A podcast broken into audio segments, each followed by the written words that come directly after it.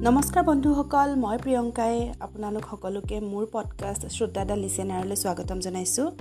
মই আজি আকৌ আহিলোঁ আপোনালোকলৈ মনোমতীৰ আন এটা অধ্যায়লৈ। গতিকে পলম নকৰি আজিৰ অধ্যায়টো আৰম্ভ কৰোঁ। এয়া মনোমতীৰ দ্বিতীয় খণ্ড দ্বিতীয় অধ্যায়।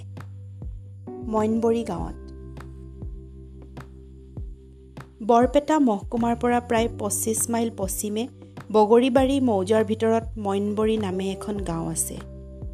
এই গাঁওখন চাউল খোৱা নৈৰ পাৰত উত্তৰা দক্ষিণাভাৱে আছে। গাঁৱৰ সন্মুখতে এখন মুকলি সৰু পথাৰ। সন্মুখত এটা উত্তৰা দক্ষিণাকৈ আলি। গাঁওখন ডাঙৰ প্ৰায় দুশ আঢ়ৈশ ঘৰ মানুহৰ বসতি। পূবে আৰু দক্ষিণে চাউল খোৱা নৈ। সেই নৈৰে সেই সময়তো গাঁৱৰ মানুহবিলাকে উজাই বৰপেটালৈ আৰু ভটিয়াই গোৱালপাৰালৈ অহা যোৱা কৰিছিল। পশ্চিমে এখন বৰ মুকলি পথাৰ। সেই পথাৰত মানুহবিলাকে ধান সৰিয়হ কৰিছিল। দক্ষিণে প্ৰায় ব্ৰহ্মপুত্ৰৰ পাৰলৈকে এখন অগাধ অতব্য অৰণ্য। সেই অৰণ্যৰ পৰা গাঁৱলীয়াহঁতে খেৰ খাগৰি ইত্যাদি আনে আৰু তাত মাজে মাজে জাল পাতি মাঘৰ আৰু বহাগৰ বিহুত পহু ধৰে। অৰণ্যৰ ভিতৰত ভালেমান ডুবা আৰু বিলো আছিল। সেইবিলাকত মাজে মাজে গাঁৱৰ মানুহবিলাকে ৰাইজ উঠি মাছ মাৰিছিল। গাঁৱৰ মানুহবিলাক উদ্যমী সাহী আৰু সুখী আছিল। মানহঁতে দুদিন চাউল খোৱা নৈৰে ভটিয়াই তিনিদিনৰ দিনা এই মইনবৰী গাঁও পালে। সিহঁতৰ নাওবিলাক ঘাটত চপাৰ আগেয়ে মইনবৰীৰ মানুহবিলাকে ঘৰ দুৱাৰ এৰি হাবিয়ে বননিয়ে সোমালগৈ। মইনবৰী পালেই মানহঁতে সিহঁতে আগেয়ে পঠোৱা মান কটকীকেইটাৰ পৰা শুনিলে। চন্দ্ৰকান্ত ৰজাই হেনো হাদিৰাত সৈন্য সামন্ত গোটাই সিহঁতৰ সৈতে আকৌ ৰণ দিবলৈ সাজু হৈ আছে। মিংগিমাহাই কেতিয়াও নেভাবিছিল যে চন্দ্ৰকান্ত ৰজাই গুৱাহাটীৰ যুঁজত হাৰি আকৌ সিহঁতৰ সৈতে ৰণ দিব পাৰিব। এতিয়া মইনবৰী পাই এই কথা শুনি মিংগিমাহাই বামেদি অহা মানজাক আহি নোপোৱালৈকে আৰু আগবাঢ়ি নোযোৱাটো উচিত যেন বিবেচনা নকৰি তাতে সেইজাক মানলৈ বাট চোৱাটোকে যুগুত বুলি ভাবি মইনবৰী গাঁৱতে বাহৰ কৰিবলৈ থিৰ কৰিলে। মানহঁতে নাৱৰ পৰা নামি গাঁৱত সোমাই মানুহবিলাকে এৰি থৈ যোৱা ঘৰবিলাকত বাহৰ কৰিলে। মিংগিমাহাই এটা বৰ ডাঙৰ হাউলিত নিজে ৰ'ল আৰু গাঁৱৰ পৰা বাঁহ কটাই আনি বন্দীবিলাকক থ'বলৈ তিনি চাৰিটা ঘৰ সজালে।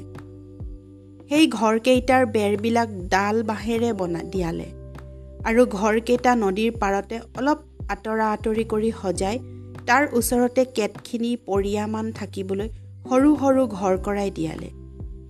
লক্ষ্মীকান্ত বৰুৱাক এটা ঘৰত বৰনগৰীয়া বৰুৱাক এটা ঘৰত আৰু শান্তিৰাম ভকতক এটা ঘৰত থলে।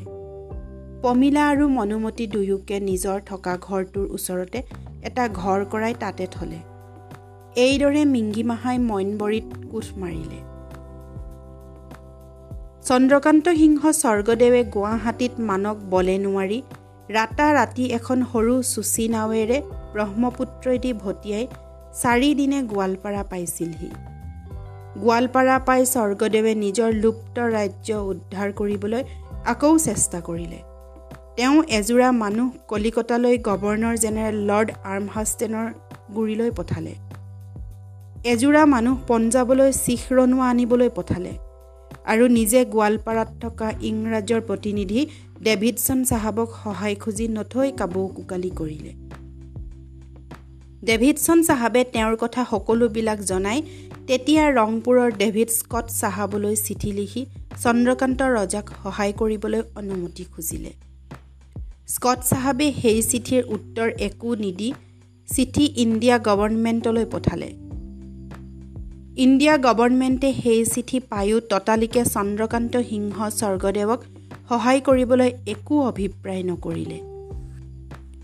নন ইণ্টাৰভেনশ্যন পলিচিৰ অৰ্থাৎ আমি কাৰো ৰাজ্যত হস্তক্ষেপ নকৰোঁ এই মতৰ বশৱৰ্তী হৈ ইংৰাজ গভৰ্ণমেণ্টে অসমীয়া জাতিৰ উদ্ধাৰৰ অৰ্থে ততাতৈয়াকৈ প্ৰতিকাৰ নকৰিলে।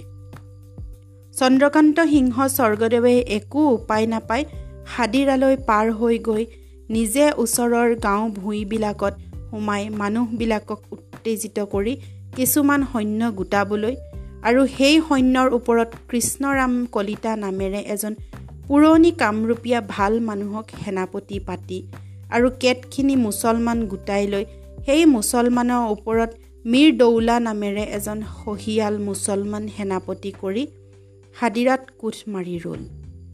তেওঁ তাত থকাৰ কিছুমান দিনৰ ভিতৰতে পঞ্জাৱৰ পৰা চৈতন্য সিং নামেৰে সেনাপতি এজন পাঁচশ শিখ ৰণুৱালৈ আহি পালে। সেই শিখ ৰণুৱা পাই স্বৰ্গদেৱে এইবাৰ মানক বলে পাৰিম বুলি ভাবি আনন্দ মনেৰে যুঁজৰ আয়োজন কৰি ৰ'ল।